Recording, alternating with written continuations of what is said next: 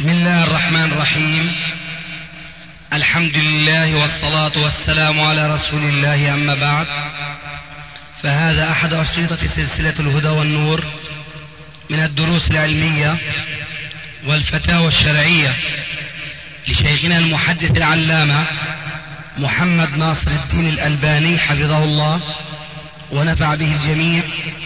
قام بتسجيلها والتأليف بينها محمد بن أحمد أبو ليلى الأثري. إخوة الإيمان والآن مع الشريط الحادي عشر بعد الثلاثمائة على واحد. عشان ما ننسى. وهذا أستاذي كان ذكرت لك عن عبد الله بن خميس أو خميس سعود العالم الجغرافي. خميس نعم. أو خميس. له كتاب اسمه شهر في دمشق. أحد الإخوة صور لي منه ما يتعلق بزيارته لكم وكذا. ففي أشياء طبعا بنقرأها من باب الفائدة. وشيء ثاني مشان اتثبت شيخنا من نقطة قالها. نعم. من نقطة قالها بقول إنه كنت يعني أنت تدرس في طبقات كل الشعراء مدرس احضر تحضر. احضر أيوه. هيك يعني فهمت كلامه مش واضح يعني. هو بيقول درس ك- كأنه هيك العبارة جاءت لأنه جاء في سياق ذكر أصول الفقه اللي درسته تبع خلاف وكذا وزاد المعاد ويعني هاي الأشياء. لا كنت أحضر. كان آه، اللي بدرس الطبقات هذه مدير آه، مش مدير رئيس المجمع العلمي العربي في دمشق. تذكر اسمه؟ منوخي لا مصطفى إيش؟ مصطفى. اي نعم. حي الله بالشيخ. الله يحييك يبارك فيك. والله نسيت مصطفى إيش بس كان من جملة اللي بيحضروا الدرس الشيخ آه، بهجة بيطار والأستاذ التنوخي. أيوه. بس هذاك كان هو تقريبا اللي يدرس. أي نعم. هون إيش بقول أستاذي؟ رئيس من المجمع العلمي العربي اليومين هذه مقابل مكتب الظاهرية اي نعم. شو بيقول؟ يقول ترى الكلام من أول يعني فيه يعني حقيقة أشياء تثير الهمة همة طالب العلم. نعم. تحت عنوان السلفية بين صفوف الجامعة وحلق العلماء. جميل. يقول قلت في غير مناسبة أن الفكر الإسلامي الآن متجه لتصفية الإسلام مما علق به من أدران الشبهات والخرافات والتضليل والأخذ به نقيا خالصا كيوم جاء به محمد بن عبد الله عليه الصلاة والسلام. وكما عرفه صحابته وسلف هذه الأمة الذين مثلوا الإسلام أصدق تمثيل وفهموه كما ينبغي أن يفهم. أما حين لطخه خلف هذه الأمة بكل مشين ووصموه بكل نقص وتضليل أو مشين.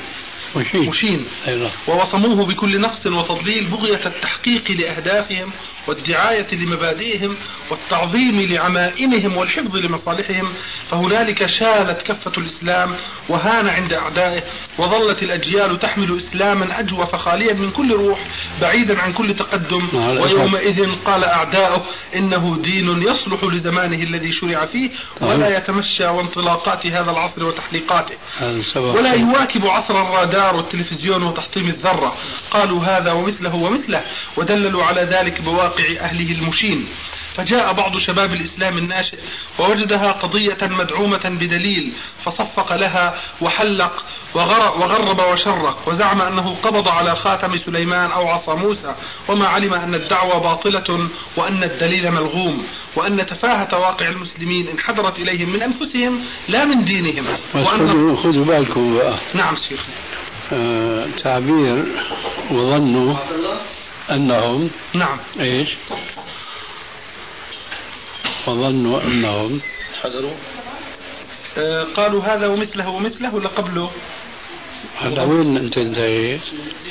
قالوا هذا ومثله ومثله ودللوا على ذلك بواقع أهله تبع المشين الشباب تبع الشباب فجاء بعض أيوة. الشباب شباب الإسلام الناشئ أيوة. ووجدها قضية مدعومة بدليل أيوه فصفق لها وحلق وغرب وشرق وزعم أنه قبض على خاتم سليمان أو عصا موسى. أيوه قبض على خاتم سليمان.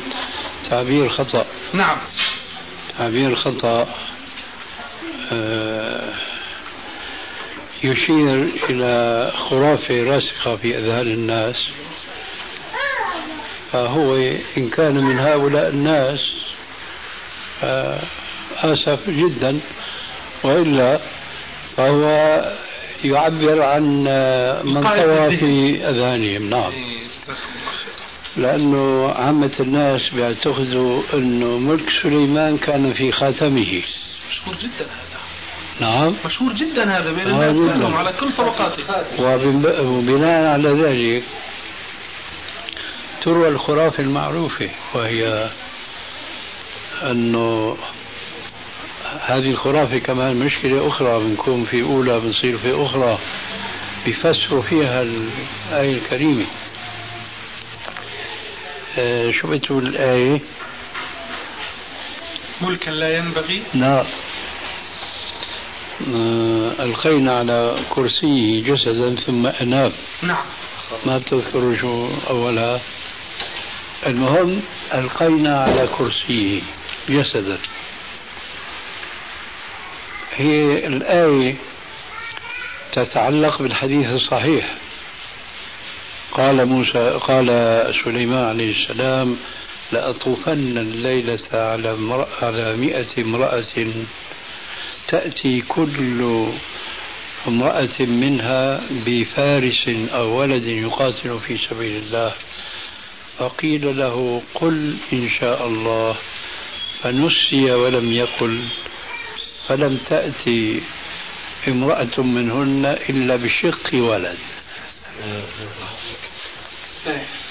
هذا الشق الولد ألقي على كرسي السلطان الدنيا كلها في ملكه.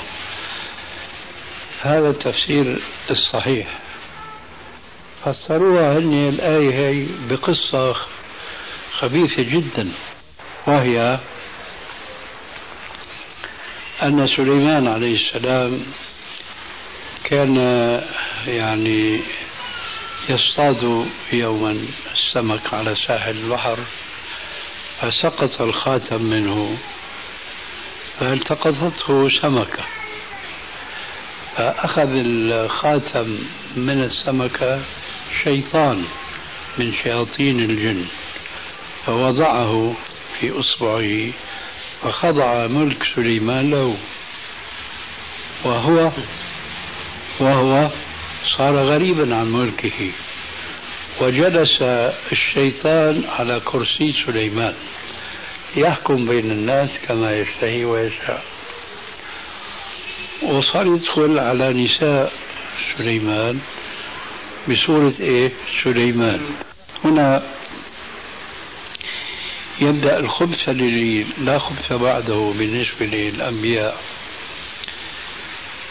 أه واستمر برهة من الدهر وهو هكذا يظن الناس أنه سليمان حتى نساءه وأنه يأتي نساءه حتى استنكرت إحداهن من أمره. لما سئلت قلنا والله نحن نستغرب أنه يأتينا في حالة الحيض. فثاروا عليه حينئذ المجلس الذي كان يحكمهم سليمان عليه السلام. أي نعم. لا أنا اللي بعد العهد يمكن ما حكيت القصة من عشرين سنة. آه، خلطت شوية ولا مؤاخذة. سليمان دخل يتوضأ فخلق إيش؟ الخاتم فأجى الشيطان سرقه وايش؟ وتسلط نعم. كما قلنا على الملك أي نعم فلما يعني آه، طورد الشيطان بعد أن كشف حاله التقطته السمكة فهو اصطادها وإذا بها لما بشقها يجد فيها الخاتم فيضع في خاتمه فيعود السلطان إليه. ثقافة مع ثقافتها لا مع ثقافتها فيها النكارة الشديدة. هي آه. إيه فالشاهد إنه ظنوا إنه خاتم وضعوا يدهم على خاتم سليمان لأنه لأنه تعني خاتم سليمان سيطر على الملك. هذا التعبير لا أعجبني منه. كان يجتنبه كان عليه أن يجتنبه هذا تعبير تمام كتعابير كثيرة وكما يقولون اليوم أنه اقلب ورقة. أو طلع على أوراقه. هي لها علاقة كما كما قلنا في بعض المجالس لها علاقة باللعب بالشدة بالأوراق. بارك الله فيك. هذه تعابير أجنبية دخلت إلينا ونحن لا ننتبه ولا نشعر. شيخنا تشبه القصص الخرافية تبع الفانوس السحري. هذا نفس الباب. طيب. ثم يقول وما علم أن الدعوة باطلة وأن الدليل ملغوم وأن تفاهة واقع المسلمين انحدرت إليهم من أنفسهم لا من دينهم أيوة. وأن الصارم البتار لم يزل ولن يزال يحمل جوهره وفاعليته ولكن اليد التي تحمله هزيلة شلاء لا تستطيع حمله ولا التدليل على مدى تأثيره. هكذا واقع المسلمين مع إسلامهم. فأدرك هذا الغير على الإسلام. أدرك هذا الغير. الغير جزاك الله خير فأدرك هذا الغير على الإسلام في كافة الأقطار الإسلامية. فأعلنوها سلفية نقية وراحوا يدعون إليها ويعملون بها. وإذا قيل لهم أنتم وهابية وأنتم أتباع ابن تيمية قالوا نعم تجمعنا السنة المحمدية والرسالة الإسلامية. جميل. وهكذا وجدت السلفية في دمشق بين صفوف الجامعة. وفي حلقات العلماء وجدت السلفية في دمشق وبين صفوف الجامعة. وفي حلقات العلماء يحملها شباب مثقف مستنير يدرس الطب والحقوق والآداب. قال لي شاب منهم ألا تحضر درسنا اليوم؟ فقلت يشرفني ذلك. فذهبت مع الشاب لأجد فضيلة الشيخ ناصر الألباني محدث دمشق الكبير وحوله من يزيد على الأربعين طالبا من شباب دمشق المثقف. وإذا الدرس جار في باب حماية المصطفى صلى الله عليه وسلم جناب التوحيد وسده طرق الشرك من كتاب التوحيد وشرحه فتح المجيد للمجدد الإمام محمد عبد الوهاب وحفيده رحمهما الله. فعجبت أشد العجب لهذه المصادفة الغريبة. وأنصت لأسمع درس الشيخ وإذا بي أسمع التحقيق والتدقيق والإفاضة في علم التوحيد وقوة الطلع فيه وإذا بي أسمع مناقشة الطلبة الهادئة الرزينة واستشكالاتهم العميقة حتى انتهى درس التوحيد وبدأوا في درس الحديث بالروضة الندية. وهنا سمعت علما جما وفقها وأصولا وتحقيقا وهكذا حتى انتهى الدرس.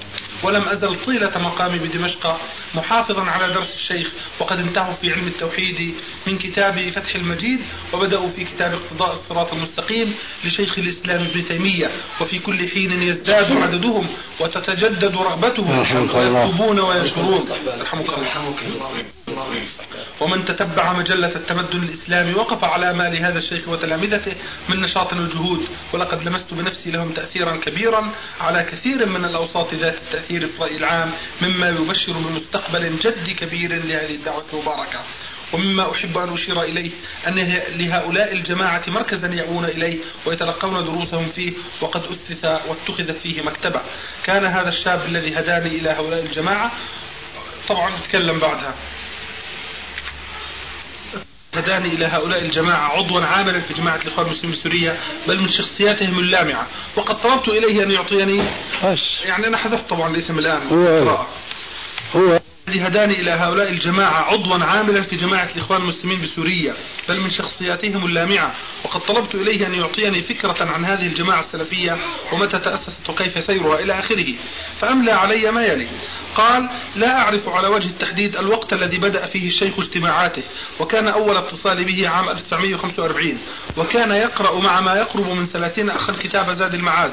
وخرج من هذه الدراسة بكتابه القيم التعليقات الجياد على كتاب زاد المعاد وهو مخطوط. وقد طلب مني الشيخ حامد الفقي عام 1953 أن أطلبه من الشيخ وأنه على استعداد لطبعه بجميع الشروط التي يضعها الشيخ. ولا أعرف السبب الذي منع الشيخ من إرسال كتابه للشيخ حامد.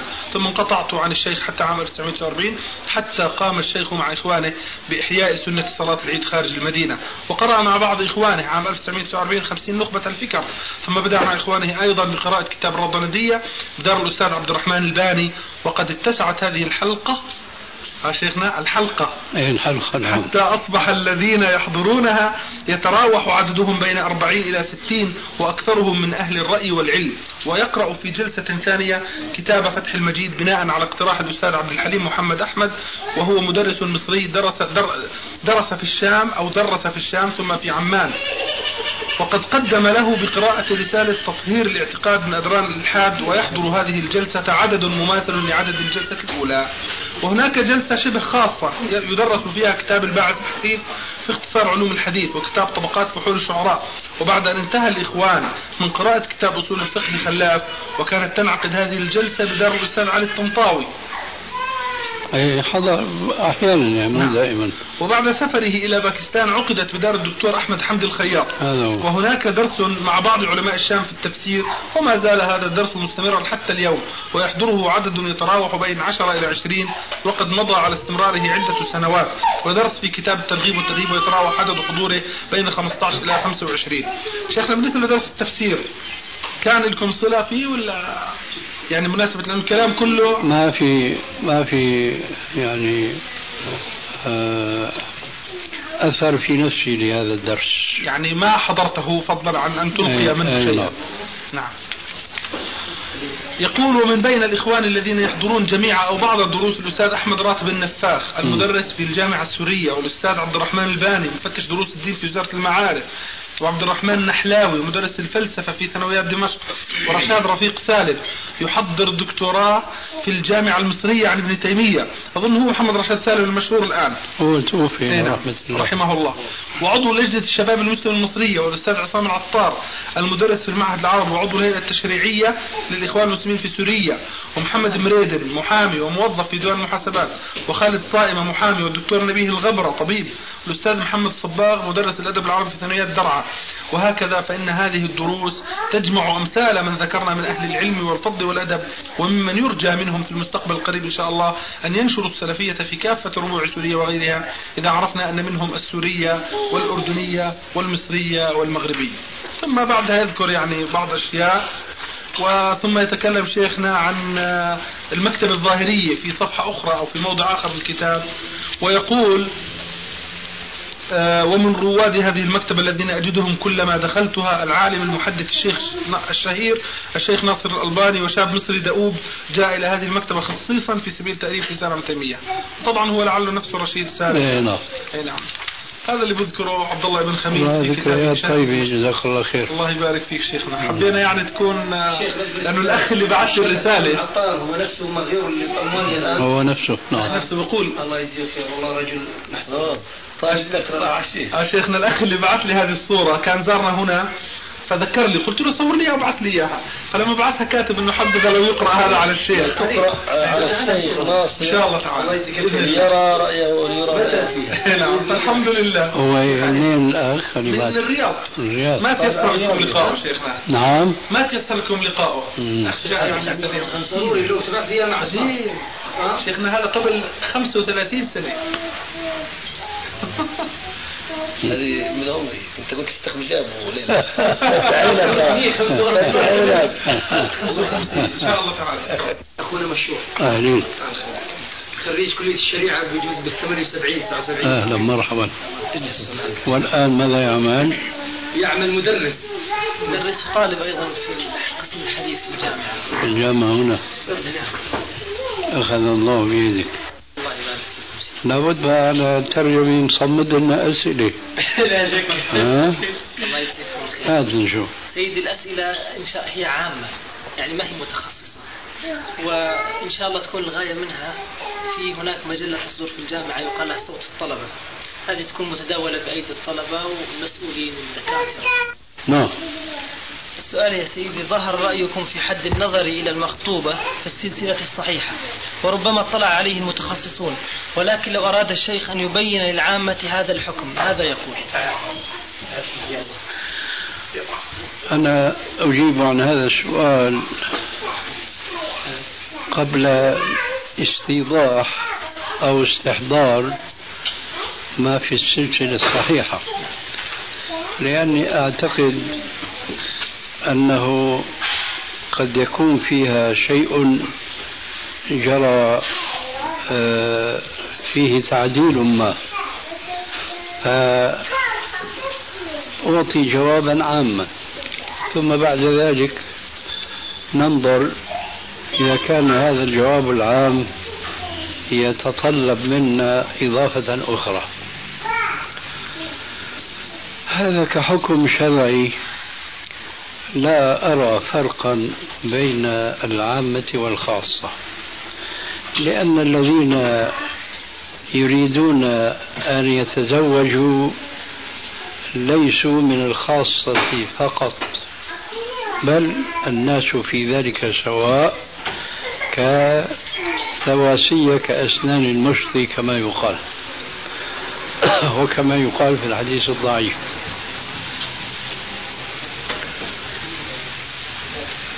وإن الأمر كذلك فلا بد أن يعرف كل مسلم هذا الحكم الشرعي حتى ينطلق على أساسه وعلى ضوئه فلا يجد حرجا من أن يتعاطاه ما دام أنه يجد في ذلك فسحة ويسرا في دين الله عز وجل. فليست المسألة من المسائل النظرية أو الفكرية التي يجب أن يراعى فيها قدرات الناس العقلية والعلمية. فلا نحدث الناس كل الناس بما لا يعقلون. ليست المسألة من هذه أو من هذا القبيل. وإنما هي مسألة حكمية عملية. يجب أن يعرفها كل مسلم بدون استثناء. هل هو مثلا مثقف أو غير مثقف؟ آه، صالح أو غير صالح؟ لأن كل هؤلاء ينبغي أن يتزوجوا. فإذا قال الشارع لهم حكما عاما فعلى الذي يريد أن يدل الناس على الخير وأن يعلمهم الخير لا يفرق في مثل هذه المسألة بين العامة والخاصة. هذا جوابي كجواب عام. الآن أعود لأسأل هل أنت تستحضر ما الذي جاء في سلسلة الأحاديث الصحيحة؟ تفضل. ذكرتم يا شيخنا في تصحيح الحديث قول رسول الله صلى الله عليه وسلم إذا ألقى الله في قلب أحدكم خطبة امرأة فإن استطاع أن ينظر إلى ما يدعوه إلى نكاحها فليفعل نعم. وإن كانت لا تعلم. أي نعم. واستشهدت نعم تفضل. وتابعت يعني استشفاف من هذا الحديث الحكم الشرعي أنه يجوز للخاطب أن يرى شعر المرأة ويجوز له أن يرى يعني يرى منها أكثر من وجهها وكفيها. نعم. نعم. طيب هل تذكر أكثر من ذلك؟ هذا اللي أذكره. إيه هذا الذي تذكره لا أزال أتبناه. نعم. الله يجزيك. ولا يسعنا إلا أن نفتي به وإلا عطلنا أحاديث الرسول عليه السلام لعصبية مذهبية تستولي على بعض الناس. وهؤلاء الناس مع الأسف يكونون عادة متأثرين بأقوال غير المعصوم أكثر مما هم يكونون متأثرين بأقوال النبي المعصوم. وهذا قلب للحقيقة لا يجوز للمسلم أن يتلبس بها. فإذا جوابي السابق يصلح قائما. جزاك الله خيرا. لكن لا بأس أن ألفت النظر إلى شيء قد يفيد نشره بهذه المناسبة. آه، كنت ذكرت هناك أو في غير مكان ولعل الأخ علي يساعدنا بذاكرته في ذاك المكان. آه. كنت ذكرت هناك قصة تتعلق بعمر بن الخطاب. نعم. وبابنة علي بن أبي طالب المسماة بأم كلثوم نعم. أنه خطبها من علي وذكر أنه ليس هو في خطبته إياها لأنه بحاجة إلى الزواج وإنما لكي يكون قريبا من الرسول عليه السلام فاتفق مع أبيها علي بن أبي طالب أن يرسلها إليه فإن أعجبته تزوجها وإلا لا. فأرسلها علي إليه فكشف عن ساقها فقالت له لولا أنك أمير المؤمنين لا صفعت خدك. إيه، أنا كنت ذكرت هذه القصة كاستئناس واستشهاد بها على أن الرؤية أو النظر الذي جاء ذكره في ذاك الحديث وفي غيره من أحاديث كنت ذكرتها بالمناسبة هناك ليس المقصود فقط النظر إلى الوجه والكفين وإنما إلى أكثر من ذلك بدليل هذه القصة. سقت أن هذه القصة يومئذ نقلا من كتاب الحافظ بن حجر العسقلاني.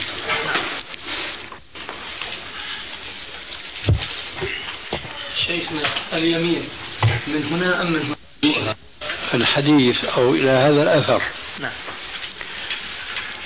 فهذا الأثر نقلته من كتاب ابن حجر وهو كان عزاه لعبد الرزاق. وكان سكت عليه. والقاعدة بالنسبة للحافظ بن حجر لتضلعه في هذا العلم أنه يوثق بما سكت عليه من الروايات. فنحن جرينا على هذه الثقة. ثم بعد ذلك طبع كتاب عبد الرزاق المصنف الذي هو منه نقل هذه القصة. فلما رجعنا إلى الأصل واستقينا منه استغنينا بذلك عن الإيش؟ السواقي كما يقال. وقفنا على السند الذي لم يكن بين أيدينا يومئذ يوم نقلنا من فتح فتبين لي بأن السند فيه انقطاع وربما فيه شيء آخر لا يحضرني الآن المهم ثبت لدي أن القصة غير ثابتة وأنه لا يجوز لنا فيما بعد أن نذكرها إلا مع بيان ضعفها ولعلي قد فعلت ذلك في مكان ما في مكان ما. الضعيف الثالث شيخ. ضعيف الثالث. هذا الذي تحفظت منه في أول جواب. واضح؟ جزاك الله طيب. شيخي هل في فترة الآن بنتيجة أنه يجوز الخاطب أن يرى من المخطوبة شعرها ونصف ذراعها ونصف ساقها؟ في فترة من فترات توقفت عن الكلام هذا؟ ما هذا اللي عم نحكي عنه هلا في شيئين هنا توقفنا عنهم أحدهما ما سبق ذكره آنفا وهو الرواية هذه المتعلقة بأم كلثوم. واضح؟ لعدم صحتها. عدم صحتها. كويس. الشيء الثاني أنه لا يجوز التعمد أن تظهر أمامه هكذا بأكثر من وجهها وكفيها. وإنما يكون يكون ذلك عنها دون علمها. هذه نعم ما انتبهت لها الآن سمعت أي نعم. أول كان ظلت مسجل سؤالك مرة ثانية لحظة أبو عبد الله. أيوه هذا طلع بتاعك شيخي بالنسبة ل شوف الشريط أنت شو سجلت هلا؟ سجلت سجلت. أقول بالنسبة للسؤال السابق.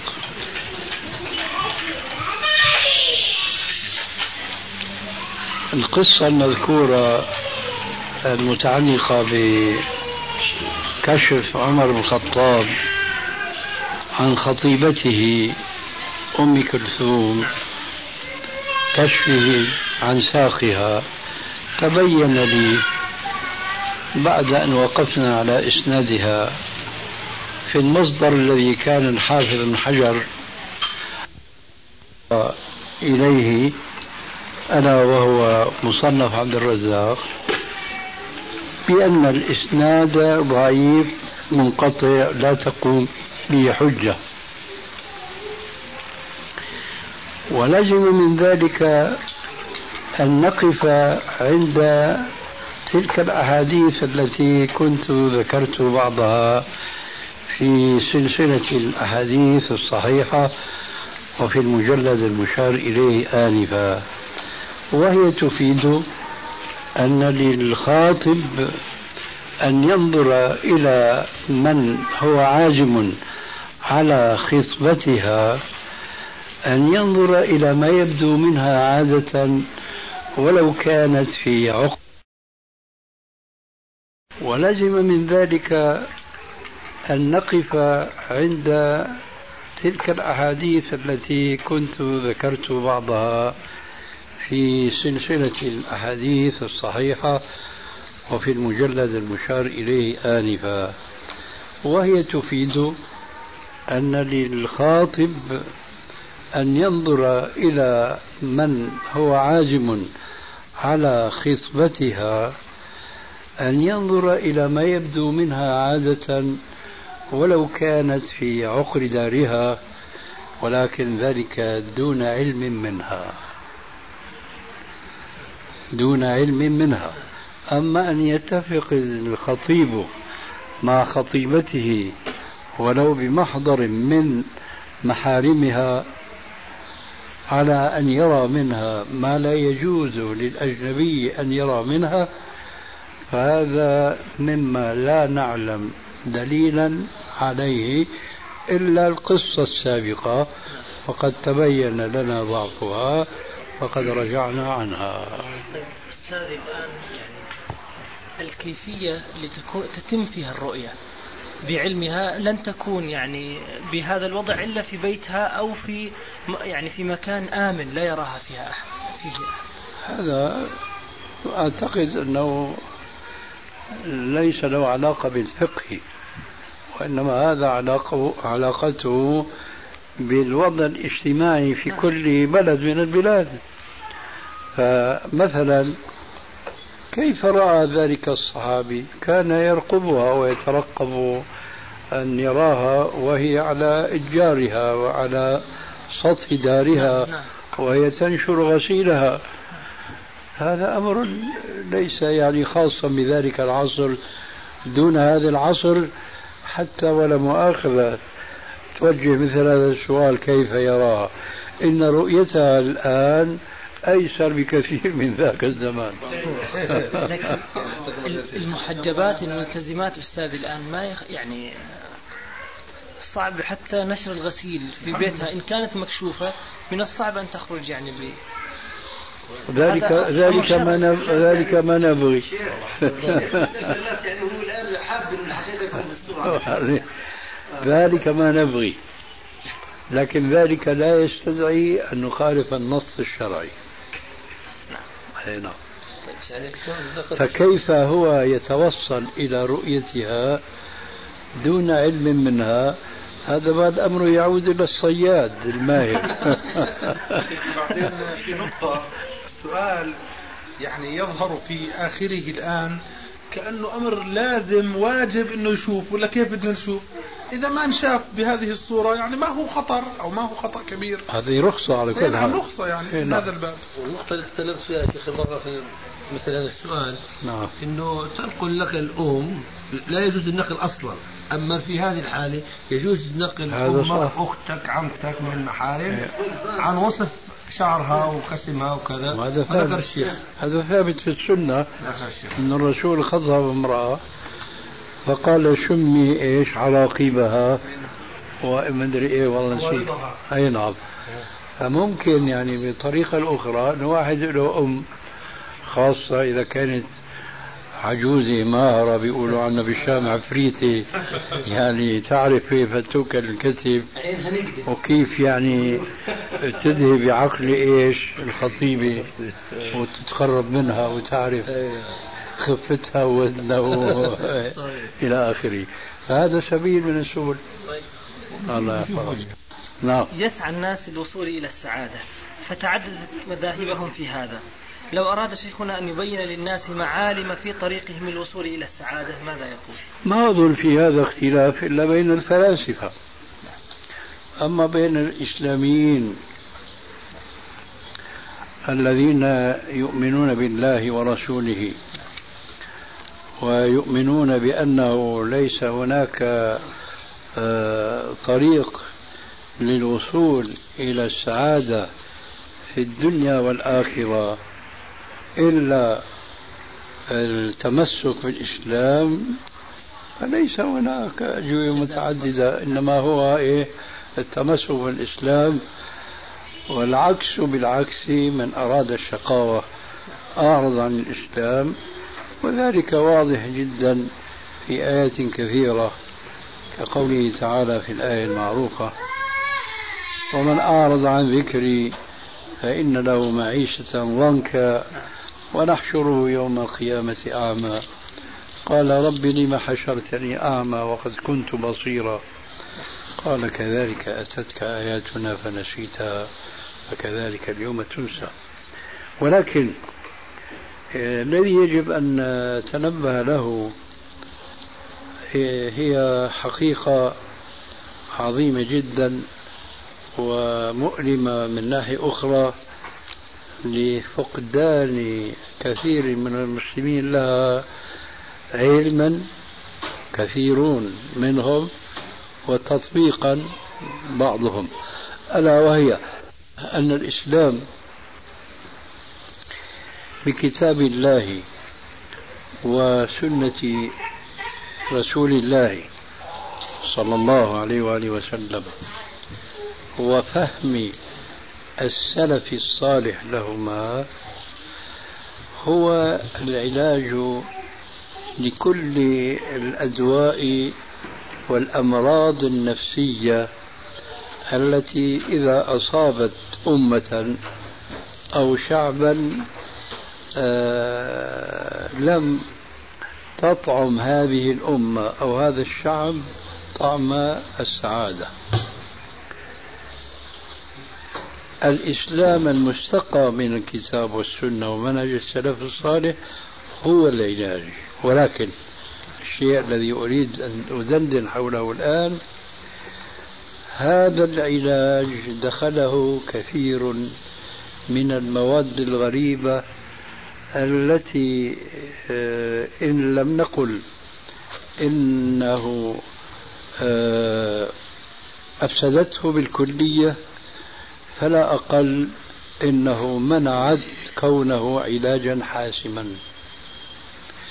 ذلك مما دخل في هذا الإسلام ما ليس منه سواء ما كان هذا الدخيل في العقيدة أو في العبادة أو في السلوك والأخلاق.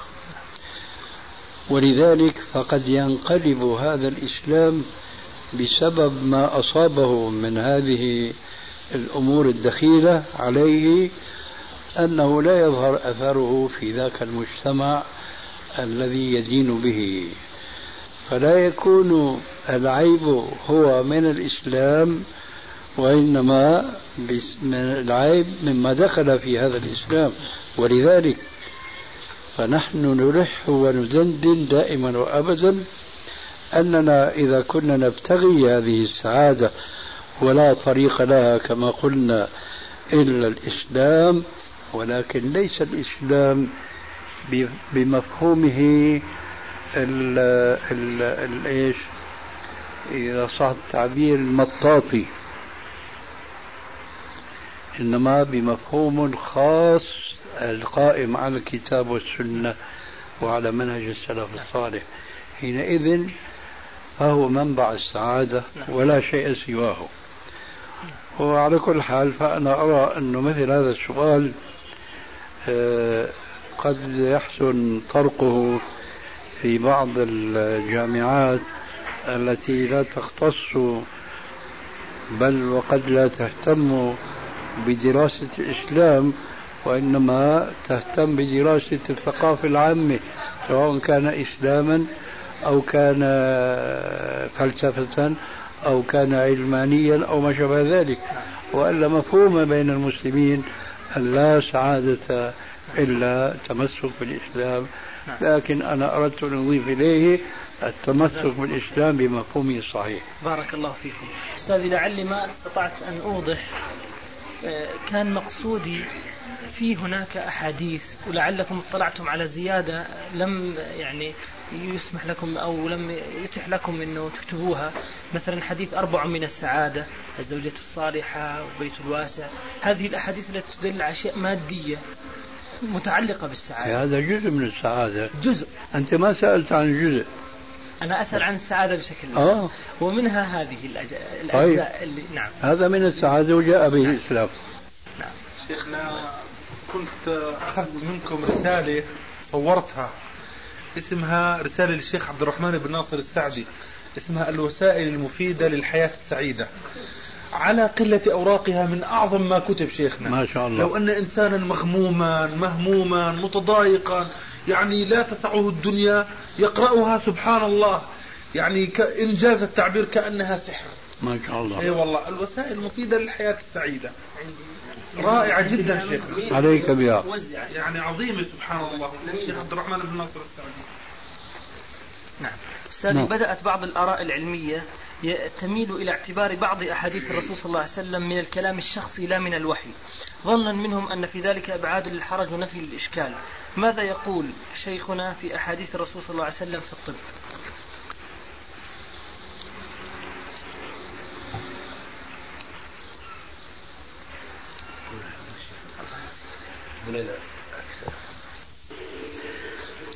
أنا اعتقادي أخي وهذا اعتقاد كل مسلم يشهد بأن لا إله إلا الله وأن محمد رسول الله أن الأصل في كل ما يخرج من فم النبي صلى الله عليه وسلم فهو حق.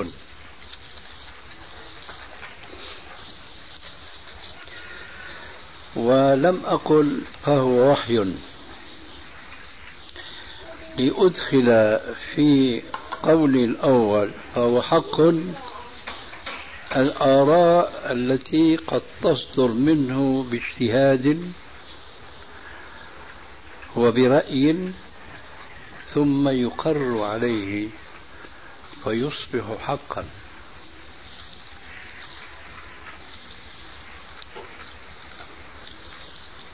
ومع الأسف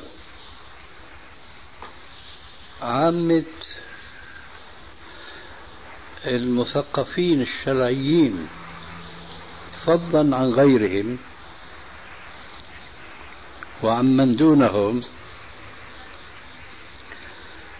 لا يعاملون أحاديث الرسول عليه السلام التي هي من قبيل الأحاديث التي جاء الإشارة إلى بعضها آنفا وهي المتعلقة بالطب النبوي لا يعاملونها كما يعاملون أقوال العلماء المجتهدين.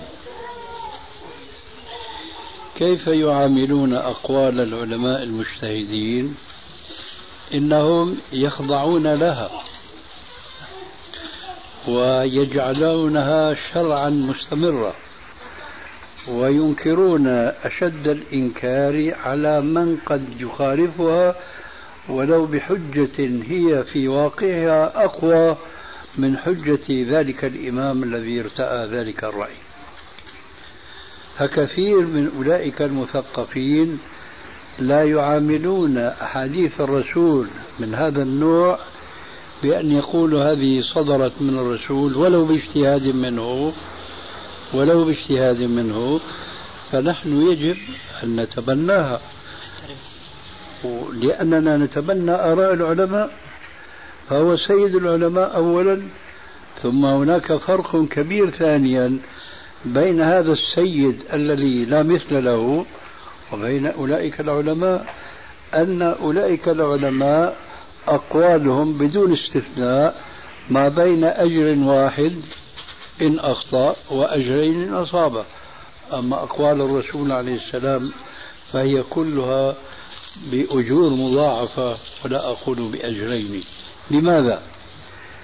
لأن النبي صلى الله عليه وسلم إن اجتهد فأخطأ كما يضرب بعض الأمثلة في السيرة النبوية بل وفي الآيات القرآنية كمثل قوله تعالى عبس وتولى أن جاءه الأعمى فهو إن أخطأ عليه السلام فليس كسائر علماء الإسلام لا يقر على خطئه بينما العلماء الآخرين والله ما ندري أصاب أخطأ لكن نكل أمره إلى الله إن أصاب فله أجران وإن أخطأ فله أجر واحد.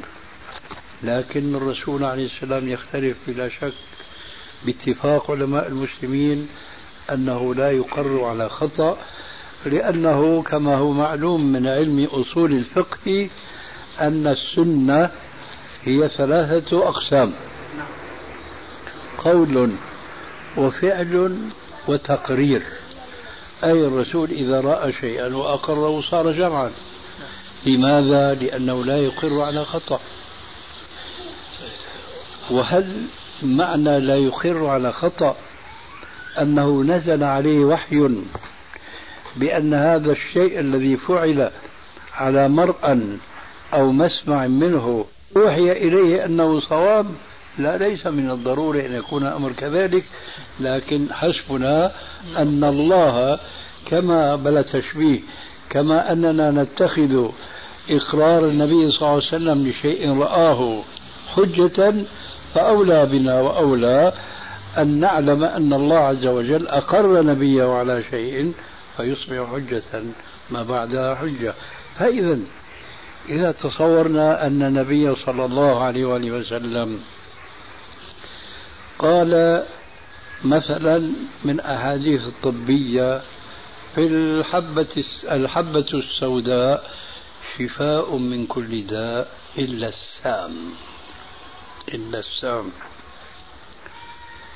نحن إن تصورنا أن هذا الكلام النبوي الطبي خطأ. كيف أقر عليه السلام وتلقاه الصحابة وتلقاه السلف عنه خلف عن سلف حتى صار جزءا من حياة المسلم لا يستطيع يتصور إلا أنه كما لو قال في الجنة ما لا عين رأت ولا أذن سمعت ولا خطر على قلب بشر. كذلك قوله عليه السلام في الحبة السوداء التي لا يعجبك مرآها إنها شفاء من كل داء إلا السام يستحيل أن يكون هذا خطأ يا جماعة. وخطأ جلي جدا أن يقال إننا نؤجل البحث أو التصديق أو الإيمان بهذه الأحاديث إلى متى؟ إلى أن يكشف العلم زعموا حقائق هذه الأحاديث النبوية إن وقع ذلك فذلك زادهم ضعفا ولم يزدهم إيمانا لأن الإيمان كما نعلم من قوله تعالى في القرآن ألف لام ميم. ذلك الكتاب لا ريب فيه هدى للمتقين. من هم؟ أول شرط الذين يؤمنون بالغيب. والغيب في اللغة العربية هو, هو كل ما غاب عن عقلك أنت أيها الإنسان. هذا العقل المحدود أولا في مخك. ومهما تسع دائرة الفكر فهو محدود على كل حال.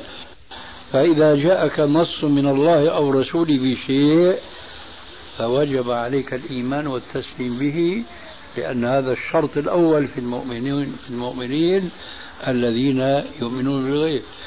فإذا نحن توقفنا عن الإيمان بهذا الحديث والإيمان بحديث مثلا إذا وقع الذباب في إناء أحدكم فليغمسه. إيش هذا الحديث؟ فيه قذارة. فليغمسه. ثم ليخرجه. فإن في أحد جناحي داء في الآخر دواء. هذا لسه ما ما انكشف حقيقة أمره في الطب. آمنا به كل من عند ربنا. فلا يجوز التوقف في هذه الأحاديث لأننا نفترض أحد شيئين وهذا خلاصة ما سبق. إما أن يكون هذا الكلام لا أقول وحيا وأنت ملاحظ معي كلمة الأولى حق. إما أن يكون باطلا ولا أقول خطأ لأن الله يقول فماذا بعد الحق إلا الضلال. آه. إما أن يكون حقا وإما أن يكون ضلالا باطلا. فهل يتصور المسلم شيئين خطيرين أحدهما ناتج من الآخر؟ هل يتصور المسلم أن يكون هذا الكلام باطلا؟ وربنا تبارك وتعالى الذي أرسل إلينا نبينا محمد صلى الله عليه وسلم بالهدى والحق والنور كله يعلم أن هذه الكلمة التي نطق بها الرسول عليه السلام وهب أنه تلقاها من الطب الجاهلي طب التجربي العربي. هب أن الأمر كذلك لكن الله يعلم أنه خطأ.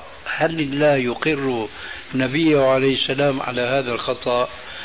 وبخاصة أنه ترتب عليه خطأ آخر وهو أن يصبح شريعة وعقيدة عند المسلمين ويصبح هناك علم خاص اسمه علم الطب النبوي. إن نحن آمنا بمثل هذه الضلالة أن نتصور أن كلمة قالها الرسول بناء على التقاليد العربية وعلى التجارب العلمية اليومئذ. ولا شك أن العلم الطب العربي يومئذ كان يعني ليس ناضجا وإن كان استفاد منه الأوروبيون فيما بعد كثيرا وكثيرا جدا خاصة لما تشرفوا بالإسلام.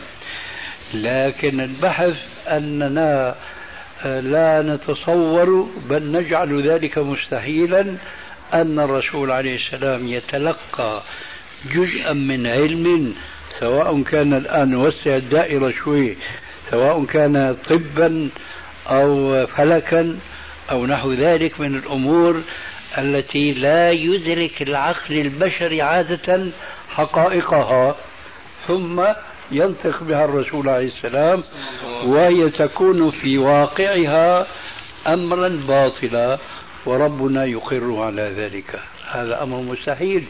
ولذلك أنا أعتقد أن الذين يقفون هذا الموقف الواهي بل المزري بالنسبة لهذه الأحاديث فلا يؤمنون بها. هؤلاء بلا شك في إيمانهم ضعف من أحد أمرين. وأحلاهما مر الأمر الأول أنهم لا يثقون برواة هذه الأحاديث. وأئمة الحديث الذين صححوها لأن الأمر إن كانوا كذلك يؤمنون إذا الأمر أخطر أنهم لا يصدقون الرسول فيطرقون عليه احتمال أنه يكون هذا رأي كرأي البشر ويطبقون عليه بالتالي قوله عليه السلام بحق أنتم أعلم بأمر دنياكم أو بأمور دنياكم. هذا حديث صحيح لكن البحث الآن إذا الرسول تحدث عن أمر لا يتعلق بالعبادة ولا يتعلق بالعقيدة لكن يتعلق بعلم الفلك هاي من أمور الدنيا. يدور البحث السابق. هذا أمر يتعلق بالعلم. أي علم؟ الذي كان معهودا في الجاهلية. فالرسول نطق بذلك. يستحيل أن الله يقر على هذا الأمر وهو خطأ في واقع أمره.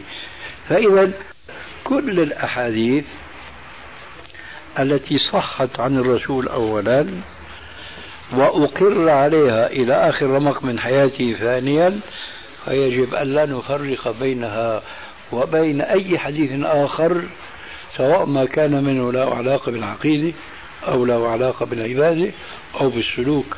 كل ذلك حق ويرد عليه قول الرسول عليه السلام الذي رواه لنا عبد الله بن عمرو بن العاص رضي الله عنه الذي كان يجالس المشركين ويحاججهم فأوردوا عليه الشبهة التالية قالوا له أنت تكتب عن محمد كل ما يقوله في ساعة الرضا والغضب.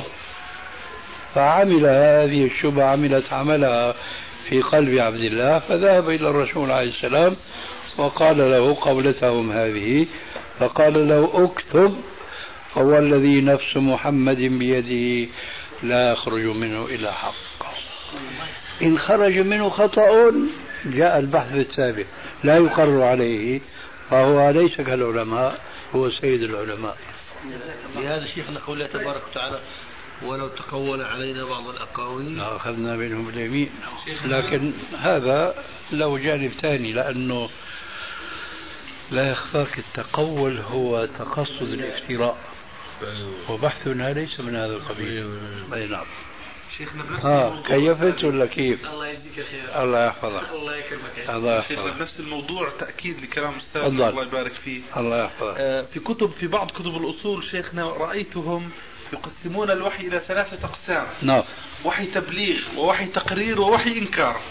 آه. وهذا عين الذي تفضلتم به نعم. الله يبارك فيك. آه غيره. أستاذي نعم. الشيخ محمد الغزالي غفر الله له بكتابه السنة النبوية بين أهل الفقه وأهل نعم. الحديث تقدم بآراء في الغناء والمس الشيطاني. يا نعم. ريت نعرف رأيكم أستاذي. يا أخي هذا الرأي من غزالي العصر هو ككثير من آراء غزالي ذاك العصر الماضي. إنه نابع من فلسفة خاصة تصدر ممن لم يتشبع بالسنة المحمدية. وهذا أمر ظاهر نعم. في غزالي العصر لأنه ينكر حقائق شرعية ثابتة. لا مرد لها أبدا إلا بتحكيم العقل الصغير هذا الذي لا يمكن أن يتسع لهذا الوحي الذي أنزله الله على قلب محمد عليه الصلاة والسلام. لم يقل ربنا عز وجل يعني عبثا بل حقيقة قال إن سنلقي عليك قولا ثقيلا. الوحي ثقيل.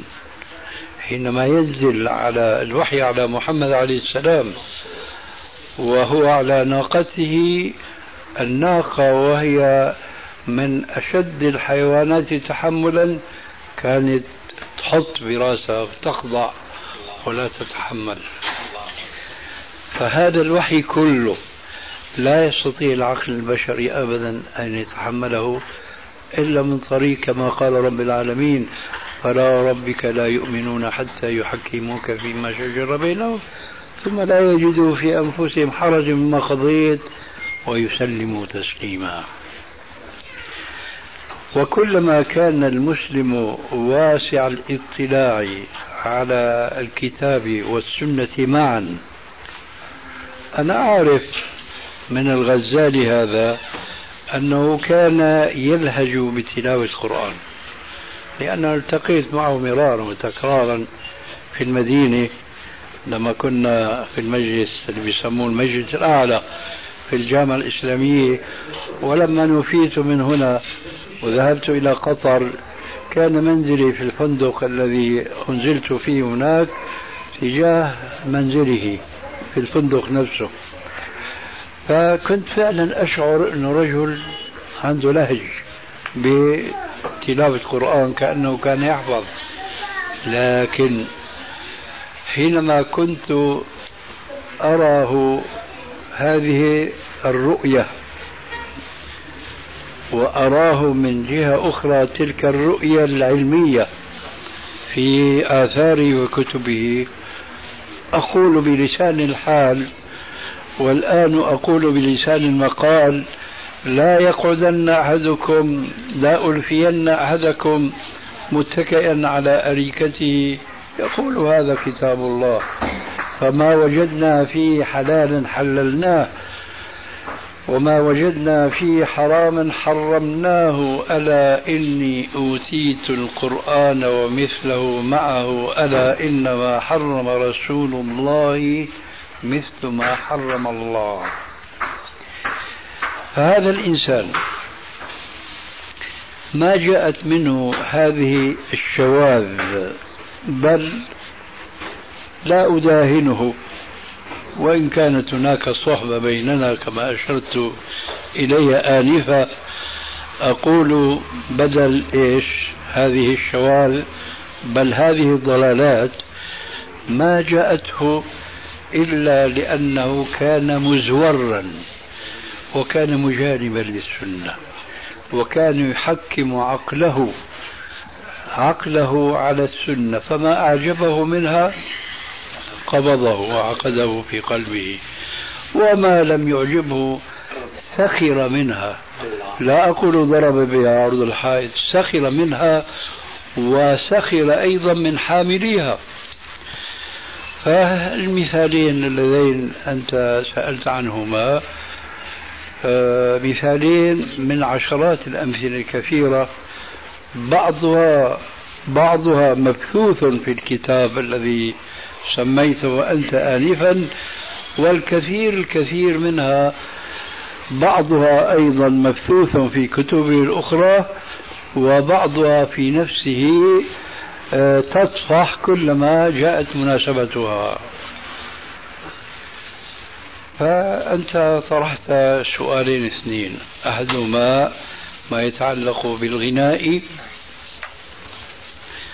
والآخر ما يتعلق بمس الجن. إخوة الإيمان تتمة الكلام في الشريط التالي.